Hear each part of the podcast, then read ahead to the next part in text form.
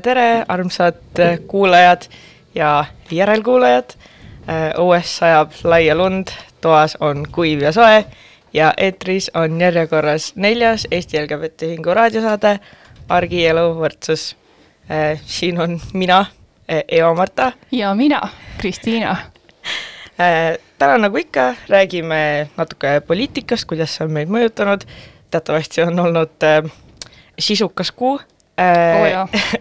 ja siis äh, on meil intervjuu äh, Indrekuga, kes on äh, õpetaja ja LGBT inimene ja räägime temaga koolist, õpilastest, õpetajatest, kõigest, mis kooliga seotud. ja siis vastame lõpus ka kuulaja küsimusele. Aga enne veel. Jah, noh, räägime siis sellest, mis vahepeal juhtunud on.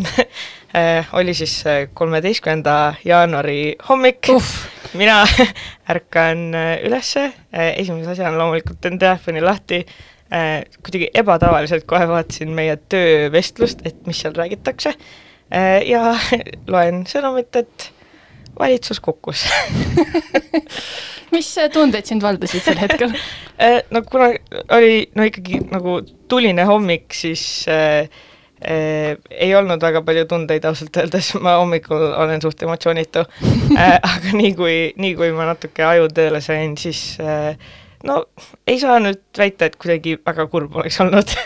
Pigem ikkagi alguses oli nagu selline joovastus, et jess, finally, väga tore. Siis tekkis segadus, et oot-oot-oot-oot-oot-oot, mis see siis ikkagi tähendab? Siis äh, vahe, noh, igatahes see oli täielik emotsioonide virvarr hommikust õhtuni. Äh, jaa, minul oli vist natukene erandlik tunne, sellepärast et äh, kui ma, mina tegin hommikul silmad lahti, nägin oma elukaaslase sõnumit, vist Delfi artikkel äkki, et Jüri Ratas astus tagasi, koos temaga läheb valitsus ähm, ja siis ma tegin meie töö Slacki lahti, kus kõik äh, noh, ütleme siis hõiskasid. Äh, aga mina tundsin ennast kuidagi hoopis teistmoodi ja tegelikult terve päev oli minus selline, selline pahurtrots sees. et, et justkui on äh, positiivsed uudised, et äkki nüüd, nüüd ei ole enam nii halb, aga, aga ma olin kuidagi jah, selline, et tõesti, tõesti pärast kõike seda, nüüd siis niimoodi järsku no ja mis ma siis nüüd teen selle infoga, et mul võttis ühe päeva aega jälgisin neid uudiseid äh, rahvahääletuse ärajäämise või mitte ärajäämise kohta tuli ju ka pidevalt vastuolulisi uudiseid, et küll siis jääb, küll ei jää, küll võetakse maha, küll ei võeta mm, -hmm. küll läheb lugemisele, küll ei lähe et, äh, et jah, et terve päev oli täis neid vastuolulisi äh, pealkirju, lõpuks siis see läks ikkagi lugemisele Riigikokku ja me mm. ju vaatasime seda Riigikogu istungit, küll mitte tervenisti, sellepärast et sealt tuli noh, päris palju sellist juttu, mida ei tahtnud kuulata aga lõpuks, lõpuks niimoodi vaikselt jälgisime neid äh, hääletusi seal ja, ja rahvahääletuse eelnõu ei saanud toetust ja tsiteerides äh, Henn Põlluaasa, nojah, mis seal siis ikka. Meil jah, Kikuga oli natuke nagu, ma tundsin nagu mingi spordivõistlused oleks terve päev olnud, et vaatasime kogu aeg äh,, chat isime omavahel, et mis nüüd saab, mis nüüd saab, kes värava lõi. Kogu aeg oli nagu väike segadus, et mis nüüd juhtus, oota, mis see nüüd tähendab, kas, oota, kas nüüd jääb ära? ei, ikka tuleb kes see, mis asja? Keskerakond on kuskile saalis kadunud. Mis juhtub? Miks, miks on ainult kolm inimest selles reas, miks neid nii palju on, kus nad on, mis nad teevad, mida nüüd teevad, kes see on, kes see? Jah, aga ainult äh, selle vahega, et äh, kaalul on põhimõtteliselt su elu. Ja no. kogu su heaolu nagu. aga hasart ai hasart oli laes. Äh,, igatahes jah äh,, mõtlesime, et me ei hakka nagu rääkima, mis juhtus, sest kõik ilmselt teavad, me pigem räägime sellest, et kuidas me ennast tundsime selle suhtes. ja ma arvan, me ei olnud kindlasti ainsad äh,, sellepärast sellepärast et ma ei tea, minu sotsiaalmeedia või vähemalt pool sellest kihas küll sellest uudisest. jaa, täiesti. aga mis me üldse nüüd teeme, kui, kui seda rahvahääletust ei, ei tule, sest ilmselgelt me ju tegelesime väga palju just selle teemaga. Äh, jaa, äh, no esiteks me saame nüüd minna oma nii-öelda jutumärkides tavalise töö juurde tagasi et äh, ega see ei olnud ju meie ainus, aga võib-olla ka kõige olulisem teema, et see meid pandi olukorda, kus me pidime sellega tegelema ja see lõi kõik meie plaanid rööpast välja tegelikult. Äh, meil on ju tegelikult käimas äh, mitu muud äh, tegevust ja projekti, et me tegeleme haridusega, me tegeleme valeinfoga, me tegeleme tugiteenustega, me tegeleme keskusega nii palju, kui seda siin koroona ajal nüüd on olnud, et meil on, meil on palju tööd ja nüüd ma, tunnen isiklikult küll, et vaikselt nüüd, et üsna aeglaselt küll, aga ma olen aru saanud, et kui suur kergendus see tegelikult on olnud.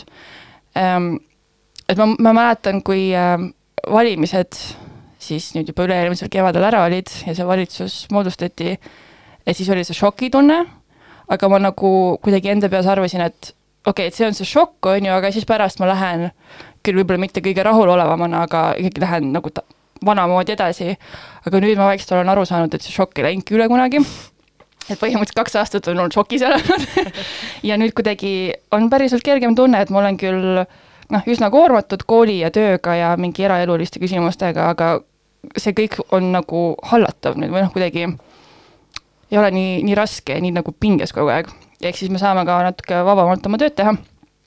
Ehm, üks asi, mis vääriks väljatoomist, on see, et tegelikult ju rahvahääletuse tõttu ja tegelikult ka teiste selliste värvikamate momentide tõttu, mis siin valitsuse liikmetelt olid erinevad väljaütlemised geide kohta ja meie rahastuse kohta ja kõik see, et, et kõik see soodustas meil annetamist sest et äh, võib-olla inimeste teadvusesse jõudis see teema rohkem, me saime päris palju annetusi ja eks suur osa nendest annetustest läks ka teele just nimelt selleks, et me saaksime rahvahääletusele noh, vastu minna siis võimalikult tugevalt.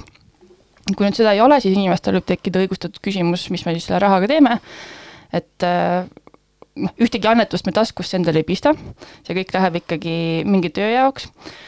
Ja praegu võibki öelda, et need annetused, mis me oleme kogunud, peaks ütlema, et rekordsummas tegelikult meie ajaloos ähm,, lähevad kõige laiemas mõttes teavitustööks. ehk siis me korraldame koolitusi äh, erinevatele spetsialistidele, peamiselt haridus- ja meditsiinivaldkonnast. äh,, loome õppematerjale koolidele.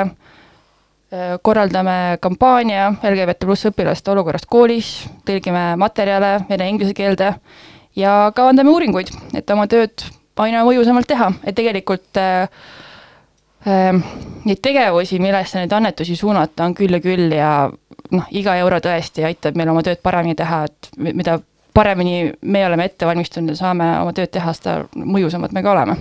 Jah, ja isegi kui me ei tegele nagu selle ühe konkreetse nagu selle teemaga, ehk siis selle rahvahääletusega, siis see, kelle jaoks me seda teeme, on ikkagi sama see, mida, mis muutus me tahame maailmas luua, see on ikkagi nagu see, see ei ole kunagi muutunud, see jääb alati samaks, ükskõik, mis siis konkreetselt see teema on, millega me nagu tol hetkel vaevleme.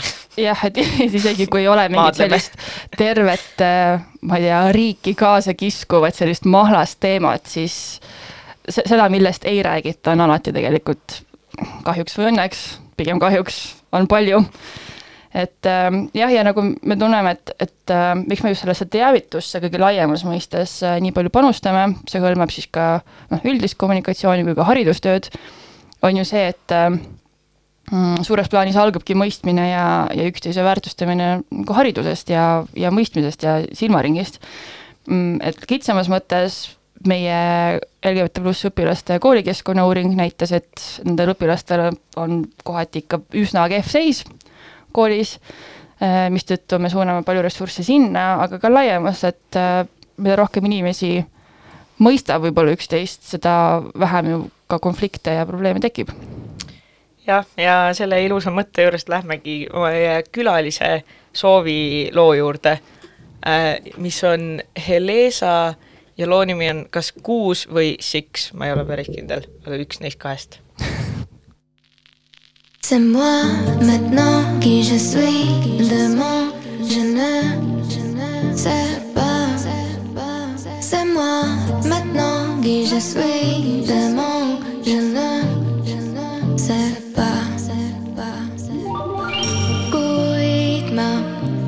proovisin ja nägin vaeva iga päev ka andsin alla, tühja raiskasin ma aega. palju möödas sellest ajast, mil viimati ei vajanud teha seda kõike. Enda pärast teen seda, enda pärast, kogu maailm on minu päralt. ja su kummitus mu lemmiklaulus unustada tahan väga, tahan väga C'est moi maintenant qui je suis, vraiment je ne sais pas.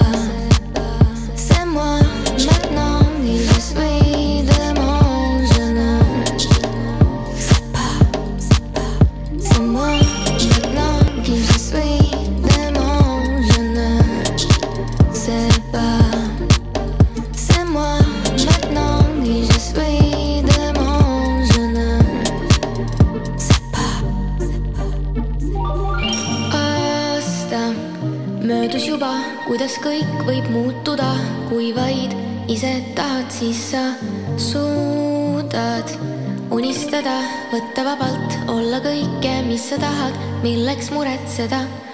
homse pärast, homne mure pole täna, mõnus mõtteid mõlgutada, mäletada, mis oli ja mis sai, aga homme on nüüd täna ja aeg on alustada. C'est moi maintenant qui je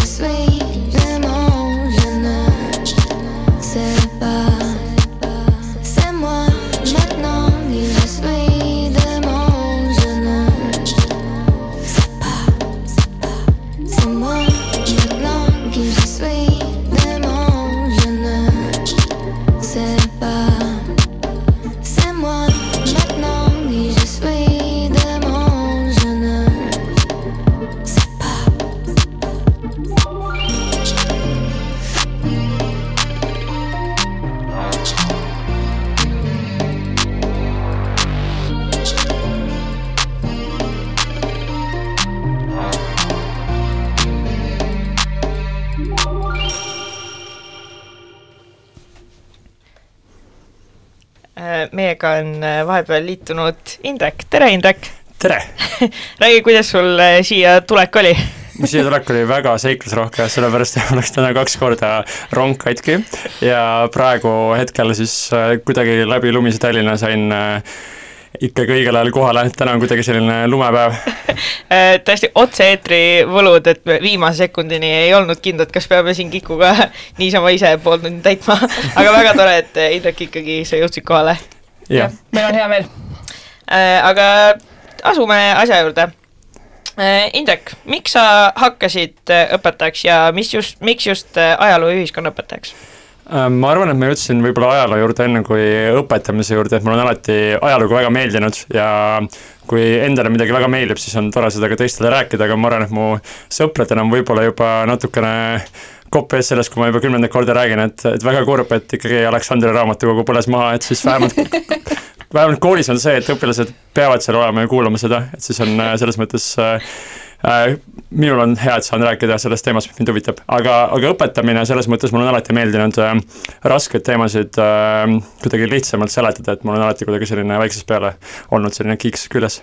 Kaua sa oled õpetaja olnud juba? ma olen tegelikult äh, kolm aastat, mul täna just sai kolm aastat täpselt täis. Oo, palju õnne. aitäh! mina just sain aru, et minu arust on puudu üks ajalooõpetaja, sest et mina kuulaksin hea meelega sellest loost, kuidas Aleksandri raamatukogu maha põles. siis võime pärast pikemaks jääda, et saan seletada.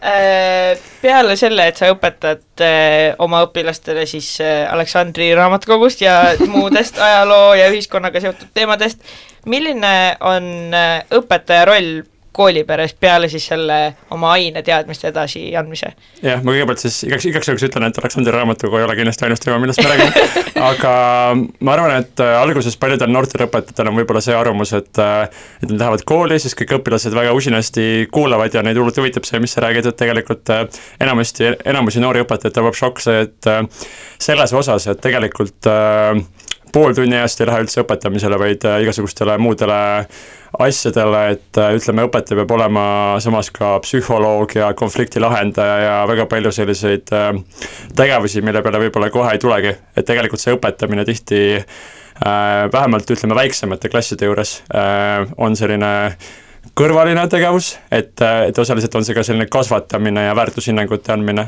noortele, et tegelikult äh, äh, ütleme, paljudel tuleb just see välja, et äh, kui palju kodus äh, võib-olla, milline on kodune taust, et selles mõttes õpilased on hästi erinevad ja nad vajavad hästi erinevat lähenemist. aga kui, ma ei tea, kas sa oskad kuidagi konkreetselt mingit näidet või kuidas, kuidas siis see, ütleme, aineõpetaja, kes puutub võib-olla õpilastega noh, ühe klassiga kokku paar korda nädalas, et kuidas siis aineõpetaja annab nagu seda väärtust edasi või kuidas ta nagu oma õpilasi niimoodi kasvatab? Ja tegelikult ongi näha seda, et ajalugu tundub selline hästi kuiv aine, et äh, kunagi ammu juhtus midagi ja võib, võib-olla ma ei saa nõustuda sellega. ja minu lemmikaine lihtsalt ütlen okei no seda on hea kuulda, aga võib- võib-olla ütleme, ma hästi tihti pean vastama sellele küsimusele, et miks me ajalugu üldse õpime, et miks seda vaja on, aga, aga kui see kõrvale jätta, siis tegelikult äh, ikkagi tulevad ka, ütleme, tundides tulevad välja need väärtusküsimused, et ükskõik mingisugune sündmus on kunagi juhtunud, et ilmselgelt ju ajalugu kordab ennast ja ükski, kõik, kõik, ütleme siis uus on unustatud vana, et selles mõttes need teemad on hästi universaalsed ja iga sellise asja pealt saab rääkida väärtushinnangutest ja sealt tuleb välja tegelikult, et et noorte, ütleme, perekondlik taust on väga erinev ja sealt tulevad ka välja väga sellised erinevad võib-olla siis arvamused, erinevad väärtushinnangud kuidas nende väärtushinnangutega on, kas see, kas see on midagi, mida iga õpetaja ise mõtleb, et nii, mina annan nüüd neid väärtushinnanguid edasi või need on kuidagi nagu paika pandud mingi kavaga? No iseenesest meil on ju olemas tegelikult äh, ütleme, õppekava, mis lähtub kindlatest väärtushinnangutest, aga tegelikult kui ma enda kooli peale vaatan, siis äh, meil on väga erineva taustaga õpetajad, et meil on sellised väga sügavusklikke õpetajad, kellel on nagu täiesti totaalselt erinev äh, nägemus sellest, mis on näiteks võib-olla osadel noortel äh, inimestel, kes äh, ütleme siis äh, noh, kas või seesama abielureferendumi teema, et selles mõttes siin on arvamusi seinast seina ja ja nii, nii nagu ma olen ka õpilaste tagasisidest aru saanud, siis äh, ka nemad toovad just välja sellise noorema, vanema põlvkonna väga erineva lähenemise siis äh, teatud küsimustesse. kas kas peale selle, et nagu, et õpetaja õpilastele midagi annab, kas õpetajal on ka õpilaste või noh, laste omavahelistes suhetes, kas seal on ka mingi roll või vastutus õpetajal?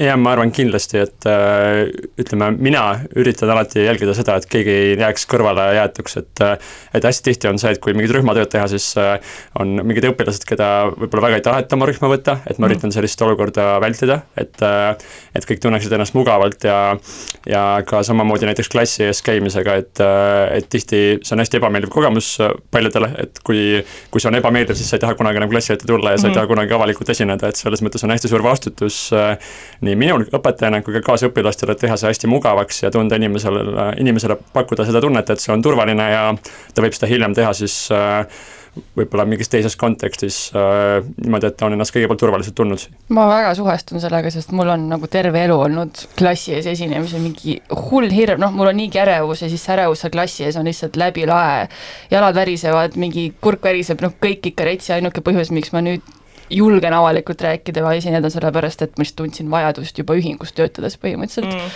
et see nagu trumpas need hirmud üle, aga mul on hea meel. Et, et kool ei suutnud ära rikkuda sinu ei, minu oma just rikkus ära, aga mul on hea meel, et sina nagu, sinu õpilased tulevad teise kogemusega välja. ma loodan. Ja ma just, just lugesin üle meie seda LGBT õpilaste uuringut ja siis ma mõtlesin ka sellele, et, et, et tegelikult väljajätmine, mida sa mainisid, on üks kiusamise vorm, mille peale me tihtipeale nagu ei, ei mõtle, et kui me räägime kiusamisest, siis me alati mõtleme sellest, et keegi ütleb midagi või keegi tõukab, aga see, et, et sind jäetakse mingitest tegevustest välja, see on nagu noh, nii, nii ilmselgelt nagu lõhub su turvatunnet, et, et et see on tore, et sa sellest räägid või nagu, et selle peale ka, ka mõtled jah, sest tegelikult ju tänapäeval ütleme, kiusamine on läinud palju varjatumaks, et nii palju on kiusamist, mida, mida me ei näe, ütleme siis klassi kontekstis, et see toimub läbi virtuaalruumi. kas, kas see, mis toimub laiemalt ühiskonnas, ütleme näiteks poliitilisel tasandil, kas see jõuab ka kooli ja kuidagi mõjutab eh, koolielu?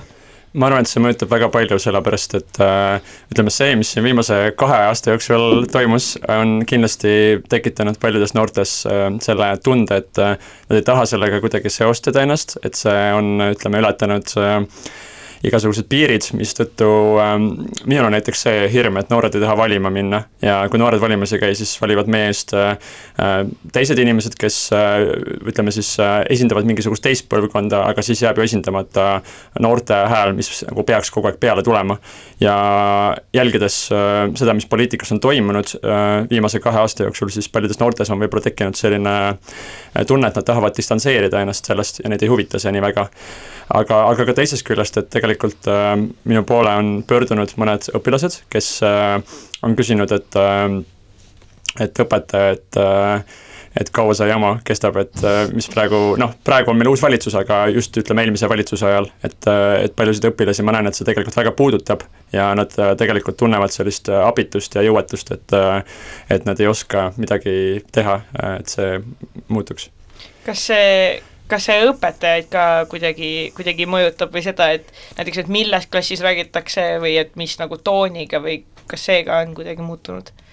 Ähm, ma arvan, et see abielureferendum kõige rohkem võib-olla on, äh, ütleme, on näha, et õpetajate seas ka on selles mõttes, seal on väga palju erinevaid arvamusi ja siin on, joonistub ka välja see ütleme siis noorema, vanema põlvkonna vahe, et äh, et selles mõttes äh, kindlasti see, ma arvan, jõuab nii õpilasteni kui õpetajateni, et see on hästi kuidagi ühiskonna polariseerinud, kõik on kuskil kaevikutes ja ja käib nagu selline sõda.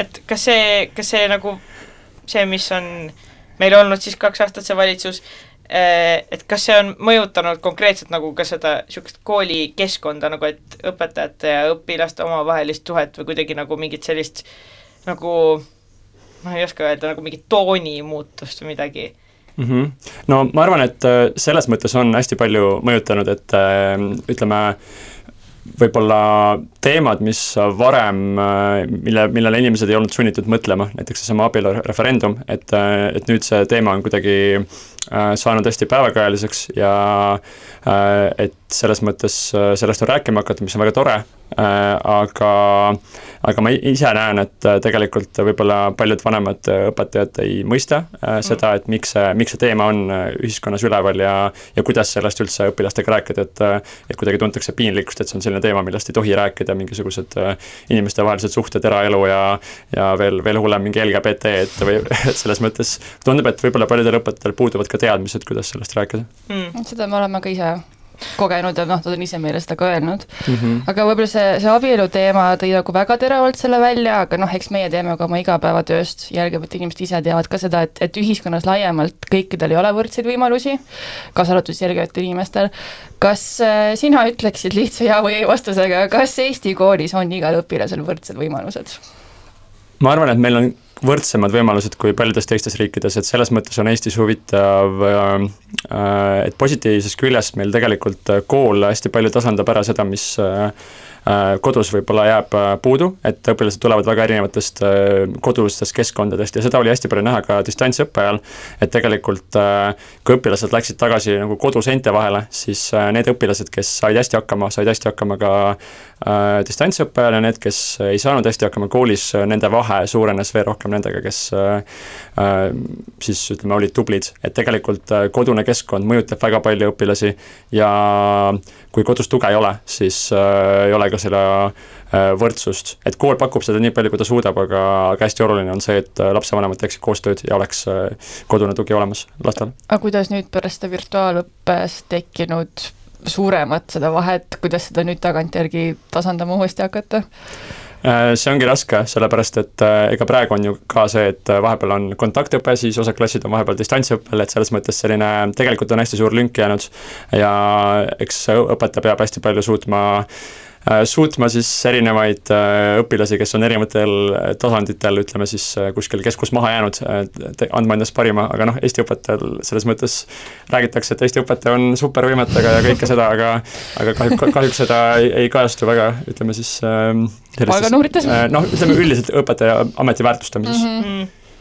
minu arust et õp-, nagu LGBT õpilastel niikuinii on kooliga tihtipeale nagu keeruline suhe Äh, aga selle distantsõppega ka, et, et ma olen kuulnud, et näiteks mõndade õpilaste jaoks see distantsõpe on just hea, sest nad tunnevad ennast kodus palju turvalisemalt, et nad tunnevad ennast kodus, et nad saavad noh, olla nemad ise, tunnevad ennast hästi, aga samas mõndade äh, õpilaste jaoks on just kool see turvaline koht, et nad ei tunne ennast nagu kodus hästi või näiteks neil ei ole vanematega head suhted, et see võib nagu iga õpilast ka hästi erinevalt, erinevalt nagu mõjutada aga õpilased korraks äh, kõrvale jättes, siis äh, see uuring, mis me tegime LGBT teemadest, me uurisime seal õpilasi, aga õpetajaid seekord me ei jõudnud sinna uuringusse panna.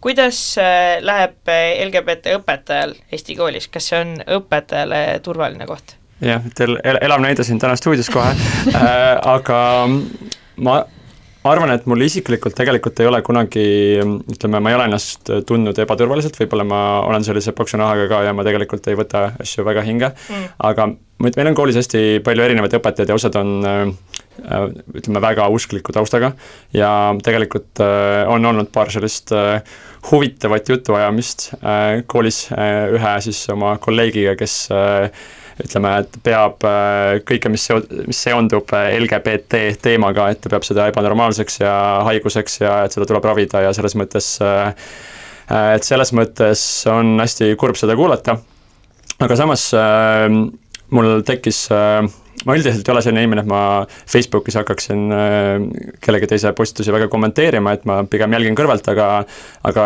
ühte postitust, mis puudutas küll nüüd äh, sellesama siis äh, uskliku õpetaja Facebooki seinal, et ma kommenteerisin ja siis ma sain sellise väga tugeva ütleme siis kiriku kogukonna pahameele osaliseks sellega.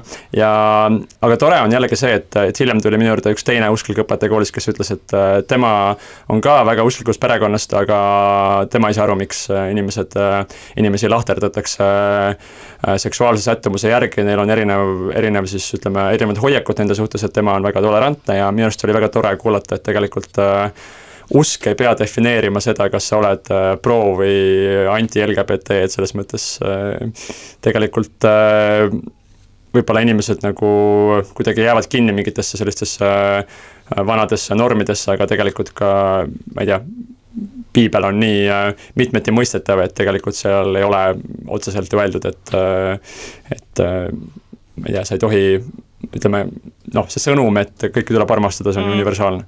jah yeah me kusjuures oma eelmine saade äh, rääkisime täpselt sellest omast, et tore on seda uuesti kinnitada. Äh, aga mul lihtsalt jääb su mul-, jutust nagu mulje, et, et see erineb nagu kooliti, et, et oleneb lihtsalt sellest, mis koolis sa satud olema ja kuidas näiteks su direktor või, või kaasõpetajad või see nagu kollektiiv on. Ma arvan, et see, siin ei saa jah, ühte sellist kindlat mustrit välja tuua, et, et ma arvan, et üldiselt äh, see oleneb ka sellest, kui äh, suure numbri sa ise sellest teed, aga näiteks minu koolis pigem võib-olla see on selline teema, mida üldiselt ignoreeritakse, et mm. ma kirjutan üsna palju arvamusartikleid ja enamasti saan väga positiivset tagasisidet, aga kui ma kirjutasin abielureferendumi kohta, siis äh, keegi väga ei maininud midagi, et võib-olla võib-olla selline tabuteema, millest ei julgeta väga rääkida, pärast hakatakse veel seostama, et oled ise ka LGBT noh, haaran sul kohe sõnasabast kinni, et äh, tõepoolest ma nägin, et sa oled päris palju kirjutanud, et arvamusi sul jagub, sõnu sa oskad ritta seada. Äh, kas sa ütleksid, et sa oled ühiskonnaõpetaja, sest sa oled aktiivne kodanik või sa oled pigem aktiivne kodanik, sest sa oled äh, ühiskonnaõpetaja? Ma arvan, et see aktiivne kodanik tuli tõenäoliselt kõigepealt, sest ma kuidagi alati olen arvanud seda, et äh, tuleb äh, käed külge panna ja teha, et äh, kuidagi kurb oleks lihtsalt vaadata kõrvalt, kui mingid asjad juhtuvad, mida sa ei taha, et juhtuksid. Et pigem see ühiskonnaõpetus on tulnud nagu peale, aga, aga ma arvan, et praegu on selles mõttes, kui ühiskonnaõpetusest rääkida, väga tore aeg, sellepärast et et muidu mitte kedagi ei huvita see, mis asi on fraktsioon ja mis on Riigikogu koosseis ja et praegu ma arvan, et enamustele inimestele esimest korda jõudis teadvusesse sõna obstruktsioon seoses sellega, sellest nii palju räägiti. et, et tunnis on ka palju lihtsam neid teemasid käsitleda.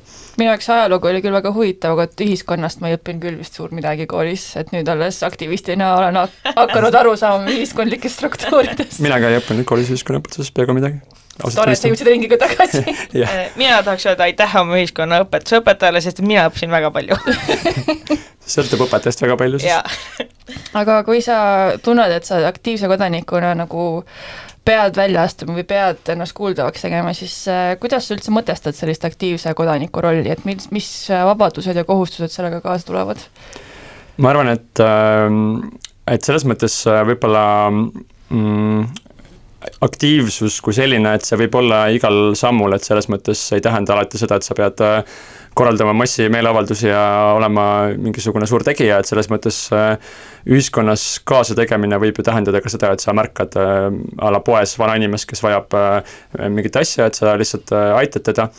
aga hästi huvitav tendents on minu arust see praegu, et ütleme, noored inimesed äh, äh, kuidagi on mingid kindlad teemad, mis neid kõnetavad, äh, et näiteks kui oli see Black Lives Matter, siis see oli väga selles, selles mõttes punane, äh, punane lipp paljudele, aga, aga koolis ongi hästi huvitav näha, et võib-olla on õpilasi, kes äh, Instagramis, Facebookis jagavad neid asju, mis toimuvad kuskil Ameerikas, aga samas nad ei märka seda, mis toimub nende kõrval, et kui kedagi näiteks jäetakse kõrvale või kiusatakse. Mm., et selles mõttes ma arvan, et alati tuleks alustada Äh, selles, mis on su kõrval ja siis sealt äh, võib-olla liikuda suuremaks, et, äh, et ei tohi oma, ütleme, lähedal olijaid jätta tähelepanuta see on võib-olla ka natuke õpetaja roll, et nagu seostada need, need asjad, et õpilased saaks aru, et noh, et näiteks see, et mis toimub seal kuskil kaugel, mis sind huvitab, on tegelikult sama asi, mis toimub su lähedal nagu.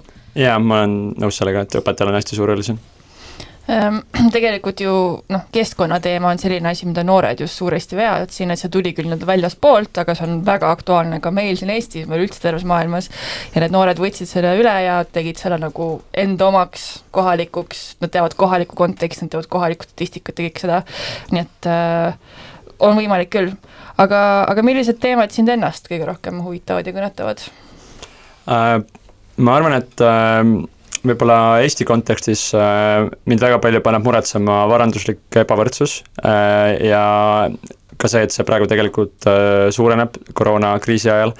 et tegelikult kui ka ajaloo, ajaloost vaadata, siis üks põhjus, miks ütleme, suurenevad selliste äärmuslike jõudude populaarsus ühiskonnas on see, et osa inimesi tunneb ennast kõrvalejäetuna ja mida rohkem neid inimesi on, kes tunnevad ennast kõrvalejäetuna, seda hapram on ühiskond sellistele äärmusideoloogiatele. Et tegelikult ma näeksin siin päris suurt ohumärki. Ja, ja maailma kontekstis võib-olla vaadates siis mind kõnetab üleüldine selline isikuvabadused, äh, demokraatia, et äh, et äh, näiteks see, mis toimub praegu Venemaal, Valgevenes, et kui Valgevenest rääkida, siis tegelikult see on väga, väga kaua juba need protestid käinud, aga, aga tundub, et inimesed on väsinud sellest, et see ei ole enam nii põnev ja aktuaalne, aga tegelikult inimesed ikkagi igapäevaselt neid vahistatakse. see rikub ära väga paljude inimeste elu, et ma arvan, et et meil kui eestlastel, kellel on äh, isiklik kogemus äh, isikuvabaduste äh, piiramise ja diktatuuriga, siis me peaksime väga nagu äh, mõistma neid ja hoidma seda teemat üleval kas sa, sa küll just seletasid seda ka juba natukene, aga kas saaksid natuke rohkem avada, et kuidas ajaloo tundmine aitab sul tänapäeva ühiskonnas toimuvat paremini mõista ja võib-olla sul on isegi mõni lahendus pakkuda jah, kui lahendusi oleks pakkuda, siis äh, oleks päris hea, aga mulle tundub, et inimesed kuidagi astuvad tihti sama, samasse ämbrisse, et ajalugu alati mm, väga tihti kordab ennast, aga kuidagi me ikkagi ei õpi sellest. et äh, näiteks, äh, mis on praegu hästi huvitav, on see, et äh, enne koroonakriisi ütleme, see, see põlvkond, kuhu mina kuulun ja ka need, kes praegu ütleme, on põhikoolis, gümnaasiumis, et tegelikult me oleme elanud hästi mugavat elu, meil ei, me ei ole kogenud ei sõda ega mingisugust okupatsiooni, et et kõik, kõik on harjunud sellise mm, vabaduse, mugavustega, mida me võtame iseenesestmõistetavalt. ja võib-olla see koroonakriis on selline esimene nagu suurem raputus paljudele, et tegelikult hästi huvitav oli see, et minu et mu üks õpilane tuli mm, nüüd hiljuti minu juurde ja ta ütles, et kui ta enne seda kevadist eri, eriolukorda, et ta, ta kuidagi, talle pakkusid väga huvi sellised autoritaarsed režiimid ja, ja teda kuidagi kõnetas ja siis ta sai eri, eriolukorra ajal aru, kui tegelikult väga talle meeldib demokraatia, et ta et tegelikult ei taha seda ikkagi. ja mul on hea meel vähemalt siis, et, et see nagu koputas mõistuse koju. see on tõesti väga huvitav, aga väga nagu hea tagajärg sellele olukorrale. Ja,. jah, jah, et selles mõttes äh, kindlasti ma arvan, et äh, kõik, mis toimub äh, ühiskonnas, et seda on võimatu mõista ilma selleta, et teada, mis on varem toimunud, et selles mõttes kõik asjad on omavahel seotud ja ja iga asi on, tuleb kuskilt, et ei tule tühjale pinnale. Kas näiteks see, mis toimub Eestis poliitilisel tasandil, mis on juba toimunud päris mitu aastat, nagu kogu selline parempoolsuse tõus ja võimukultuuri selline nagu äh, hästi drastiliselt kiiresti muutumine, kas see on, on midagi, mis on Eestis äh, täiesti uut või, või on meil seda ajaloos veel kunagi juhtunud? no hästi palju võrreldakse praegust aega ütleme kolmekümnendatega, sellepärast et ka siis oli äh, Äh, ühiskonnas hästi palju pinget ja me ju kõik teame, millega see lõppes, vaikiv ajastu ja äh, selliste isikuvabaduste kadumine ühiskonnas. et, äh, et ikka on mingeid sarnasusi selles mõttes, et et ma arvan, et selleks, et sellised äärmusjõud saaksid võimule, on vaja kahte asja, ühest küljest on vaja seda, et oleks piisavalt palju inimesi, kes tunnevad, et neil ei ole turvatunnet, neid on kõrvale jäetud ühiskonnast, keda oli, oli kolmekümnendatel, olid majanduskriis Äh, ja teisest küljest on vaja siis äh, sellist nõrka demokraatiat, mis äh, ei tekita inimestes usaldust, et ka praegu tegelikult on üks ohumärk on see, kui kui inimesed ei usalda poliitikat, nad ütleme, võõranduvad poliitikast, ei käi valimas, et tegelikult ma loodan, et see uus valitsus suudab mingil määral taastada sellise normaalse poliitilise kultuuri ja ütleme siis võib-olla tuua inimesi kuidagi tagasi poliitika juurde. Jah, no ega meie ka ei ela ütleme illusioonides, et me ei arva, et kui nüüd see üks valitsus langes ja teine tuli asemele, nüüd on kõik probleemid lahendatud, lihtsalt äh, me ikkagi hindame, väärtustame seda, et, et võimul on inimesed, kellega saab rääkida mm., kes ei, ei solva ja ei ründa, et isegi kui nad ei nõustu meiega, meie ei nõustu nemaga, siis on mingisugune vastastikune austus ei ole mingit sildistamist, et see on ju tegelikult põhiline. et me ei ela mingi pettekujutelmas, et mingi, mingi päev kõik nõustuvad meiega kõiges, et noh, ma ei tea, kas ma isegi tahaksin seda otseselt. ja ma arvan, et iga, igal juhul selline pinge on nagu tunduvalt rohkem maas ühiskonnas pärast ja, seda valitsuse vahetust. aga samas ma nagu kardan võib-olla ise natuke seda, et inimesed muutuvad nüüd jälle nagu mugavaks. on ah, nagunii. ja et ah, nüüd on kõik jälle hästi, nüüd me ei pea jälle mõtlema nende teemadele, et nagu seda ei saa ka ära unustada, et tegelikult eh, ikkagi ju on EKRE-l suht eh, hea toetusreiting, eh, nad on ikkagi ju parlamendis, eh, et see kõik võib jälle uuesti flip ida teistpidi üks, ükskõik millal, et, et ka mitte jah, nagu päris loorberitele puhkama jääda, et okei okay,, nüüd on see aeg üle elatud ja nüüd on kõik hästi nagu. ja ega EKRE ei ole ka ju ise probleem jah, jah, tagajärg. jah, et, et ongi, et, et me, ma nagu jah, seda võib-olla üritasingi öelda, et et need probleemid on ikka veel seal ja nendega tegelikult tuleb ikkagi nagu tegeleda ja nagu päriselt süga-, sügavuti tegeleda, et, et see, see, kes on võimul, on ainult nagu äh, sümptom sellest äh, ja, probleemist. ja eks meie ju eesmärk ole ka, et me ei taha ju, et ainult LGBT pluss inimestel oleks Eestis hea noh, see ei ole meie eesmärk, meid samamoodi huvitab majanduslik ebavõrdsus, igasugune ebavõrdsus, et et ma tahan, et ma ei tea, vaesel vene keelt emakeelena kõneleval naissoost LGBT pluss inimesel oleks Eestis hea, noh -hmm., lihtsalt see on kõik niivõrd seotud. Ehm, võib-olla siis siia lõppu sulle, Indrek, üks selline filosoofilisem küsimus. Et äh, nagu öeldakse, kes minevikku ei mäleta, see elab tulevikuta äh,. aga mitte ainult Eestis, vaid üleüldse tegelikult enda ümber me näeme väga palju sellist retoorikat, et tahame tagasi minna mingisugusesse minevikku, kus kõik oli justkui hästi ja õigesti. esiteks tekib küsimus, et kellel oli hästi ja õigesti ja teiseks see, kuidas seda minevikku nagu esitletakse meile täna, seda minevikku tegelikult ei olnud olemas. Need probleemid olid siis ka, mitte kunagi pole roosilist aega nii-öelda olnud. et äh, mis sa arvad, kuidas, äh, kuidas nagu hinnata ja mõtestada ja väärtustada ja võib-olla analüüsida ajalugu ja minevikku niimoodi, et, et pilk ikkagi oleks tulevikku suunatud ma arvan, et äh, Eesti kontekstis tegelikult, kui vähegi mõistusega asja juures olla, siis ei tohiks väga raske olla, sellepärast et meie minevik ei ole väga ilus ja roosiline, et, et selles mõttes enamus meie ajaloost on olnud äh, äh, okupatsioonid ja orjus ja erinevad sellised ajad, mis erinevad tunduvalt meie praegustest mugavustest, et selles mõttes tegelikult inimesel tasuks vahepeal meenutada endale, et me tegelikult elame paremini, kui me oleme kunagi elanud. ja selles mõttes meil Eestis nagu veab, et me ei saa saa taga nutta mingisugust kuulsusrikast minevikku, meil ei ole kunagi olnud suurt riiki või äh, kuldne Rootsi aeg. jah, kuldne Rootsi aeg jah, aga aga ütleme noh, kui ma võrdlen näiteks meid Poolaga või Ungariga, kes, kellel on reaalselt taga nutta mingisugust suurriiki, mis mm -hmm. on mhm. kaotatud ja et neil on selles mõttes palju raskem lahti lasta sellest, nad ongi selles äh, mineviku illusioonis kinni ja äh, nad kuidagi on nagu võib-olla raskem leida mingit uut identiteeti, aga, aga meil Eestis tegelikult ma arvan, et äh, Äh, on, iseenesest peaks olema lihtsam hoida äh, pilku tulevikus ja tegelikult äh, ongi näha seda, et noh, väikeste tagasilöökidega, aga elu ikkagi järk-järgult läheb paremaks ja kuna me oleme väike selline mobiilne riik, siis meil on lihtne ise hästi palju ära teha selles, et seda muuta, et tegelikult Eestis, Eesti on selles mõttes harukordne riik, et me oleme piisavalt väike, et meil on, iga inimene võib põhimõtteliselt kohtuda presidendiga ja, ja ütleme ja mõni isegi kaks korda, nagu me mõni isegi kaks korda, et kellel veab, saab kaks korda. et igas riigis ei ole võimalik niimoodi. Aga ma ei tea, kas sa nõustud, aga mulle tundub, et üks osa Eesti sellist suurest kollektiivsest identiteedist on ikkagi selline ohvrimentaliteediga veidi, et, et meid on ju nii kaua arjestatud ja kopeeritud ja nii edasi, et kui et ma ei tea, see suur Venemaa meie nagu narratiivist välja võtta, siis meil nagu justkui ei jäägi väga midagi alles, et kuidas nagu, kuidas sellise mentaliteediga tulevikku vaadata?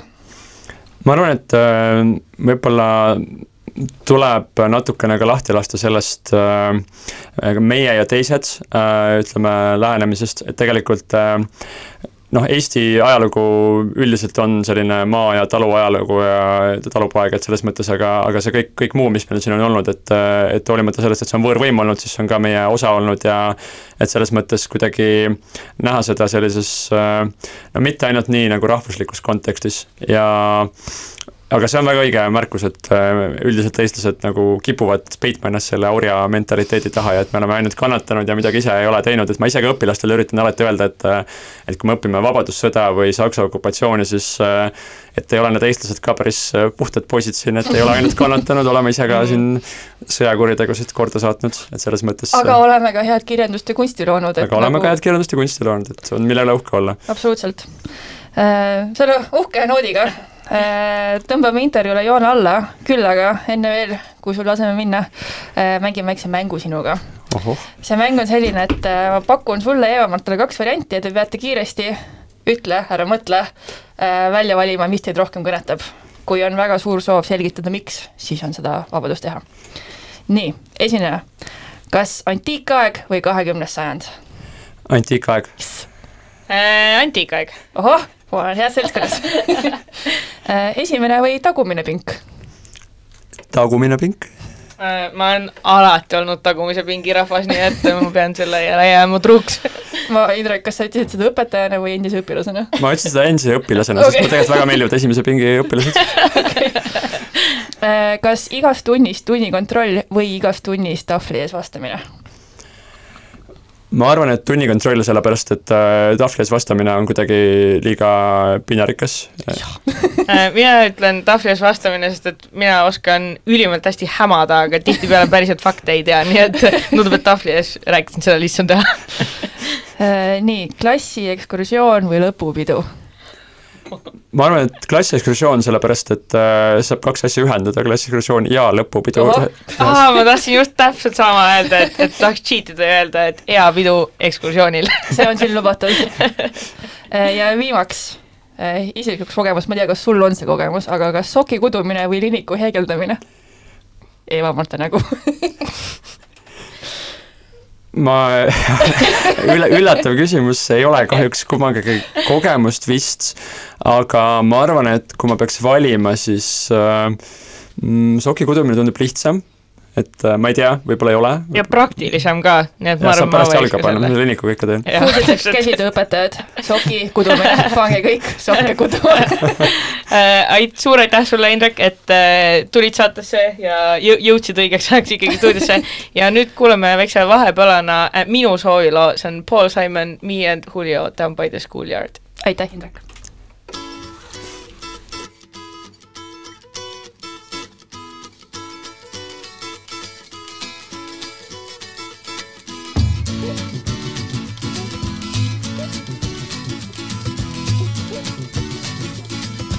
Mama Pajama rolled out of bed and she ran to the police station. When the papa found out, he began to shout and he started the investigation.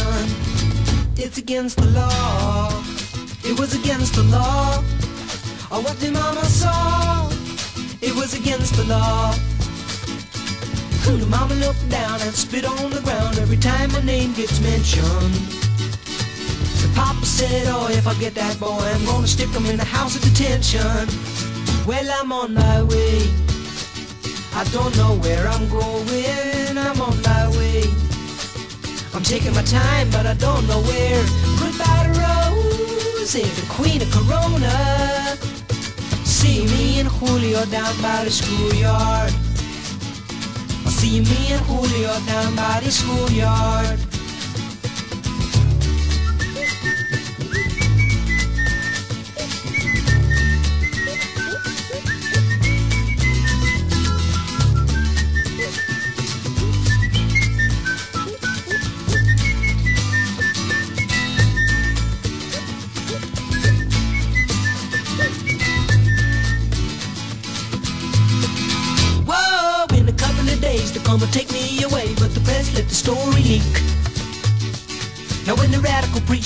Get me released, we is all on the news week, and I'm on my way. I don't know where I'm going. I'm on my way. I'm taking my time, but I don't know where. Goodbye to Rosie, the queen of Corona. See me and Julio down by the schoolyard. See me and Julio down by the schoolyard. See me and Julio down by the schoolyard.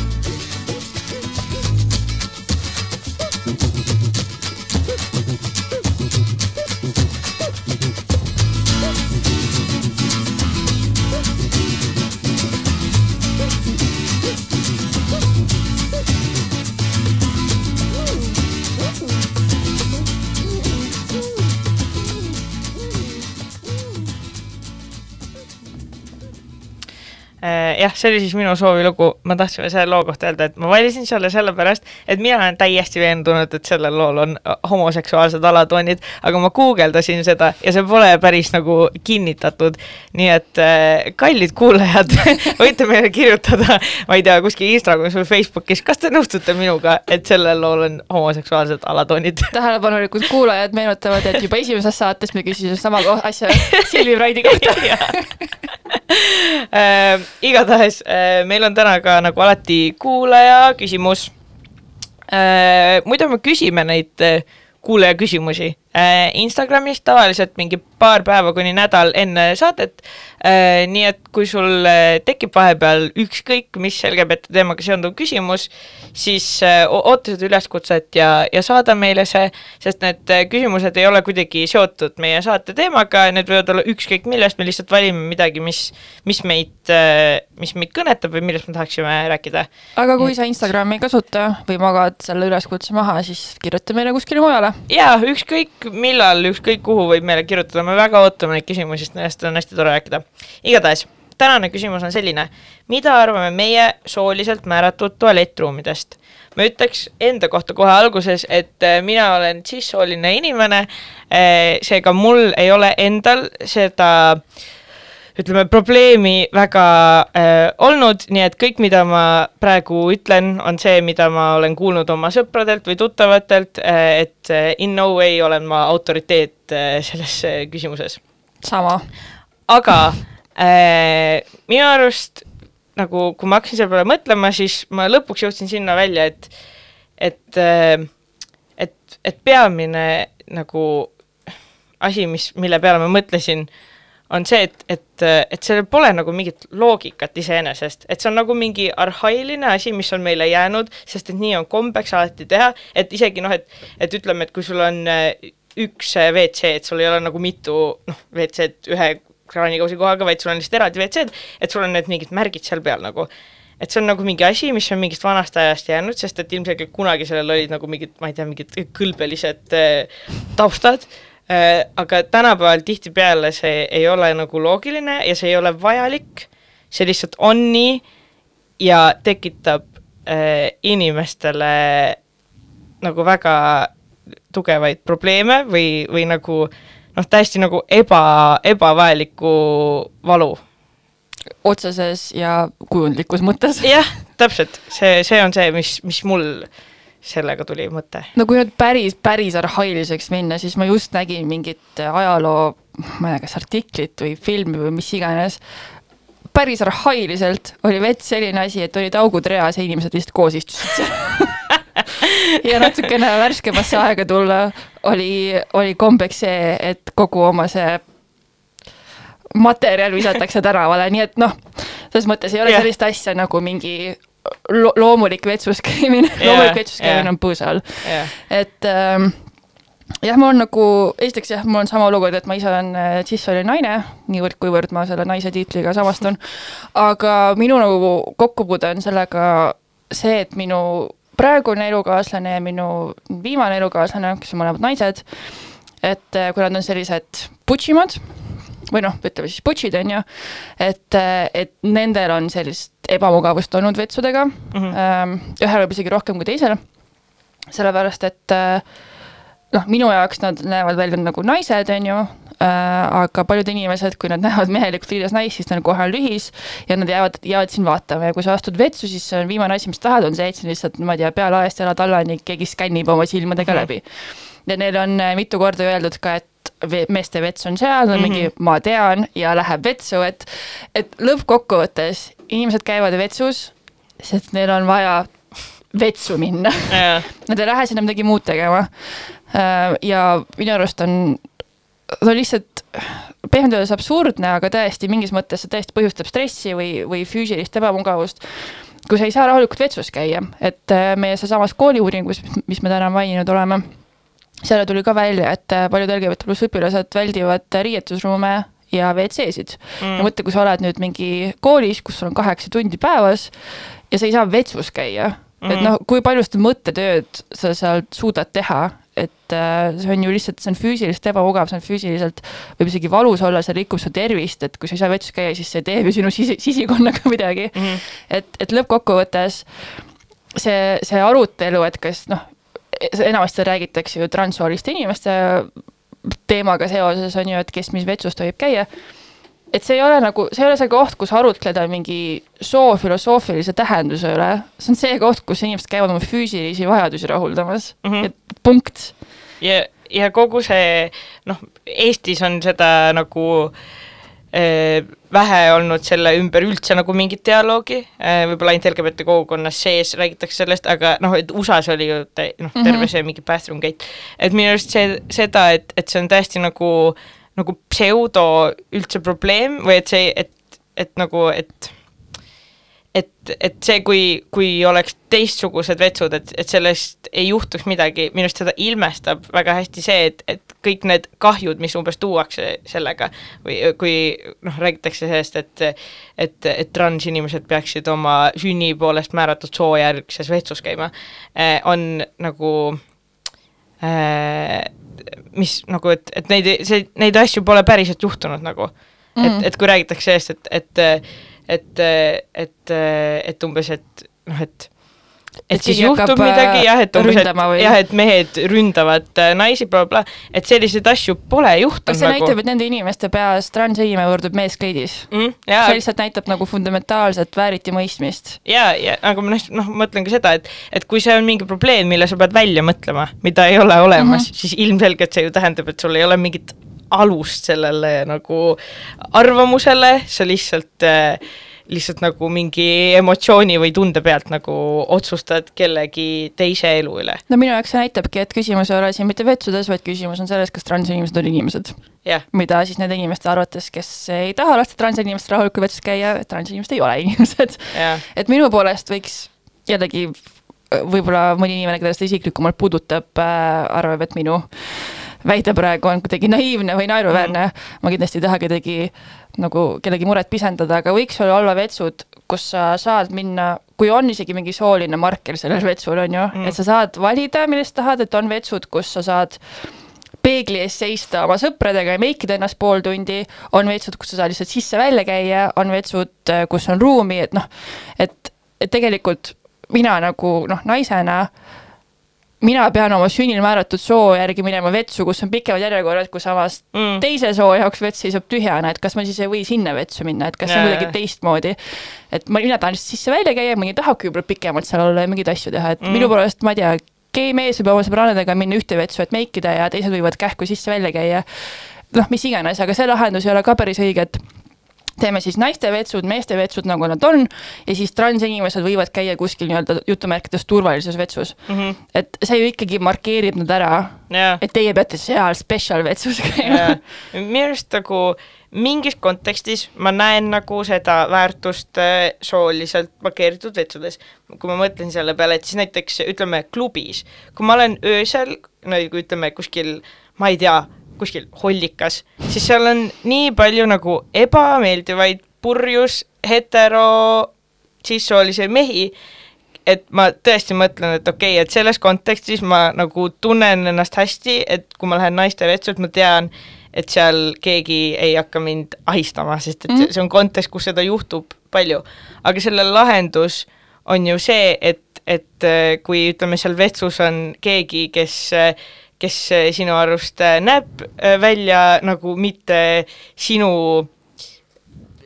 versioon naisest või kes sina arvad, et võiks olla naine, kui ta ei tee midagi, et lihtsalt seal on, teeb oma asju, siis, siis see on ju okei okay, nagu, et, et, et mitte nagu olla kogu aeg all up in other people's business ma arvan, et see on suur lahendus sellele. ja kui sul on mure mingi ahistamise pärast, siis äh, palun väga, et see statistika on täiesti olemas, et transinimesed kannatavad kõige suurema vägivalla all ja nemad tahaksid rahulikult lihtsalt vetsus käia niimoodi, et nad ei pea kellelegi isegi otsa vaatama võib-olla. et, et see probleem on täiesti vastupidine nagu mustvalge sellele, mida võib-olla need ma ei tea, vetsuvõrdsuse vastased nagu väidavad. lõppkokkuvõttes me räägime nagu vetsus käimises, laske rahus kusta. Palun.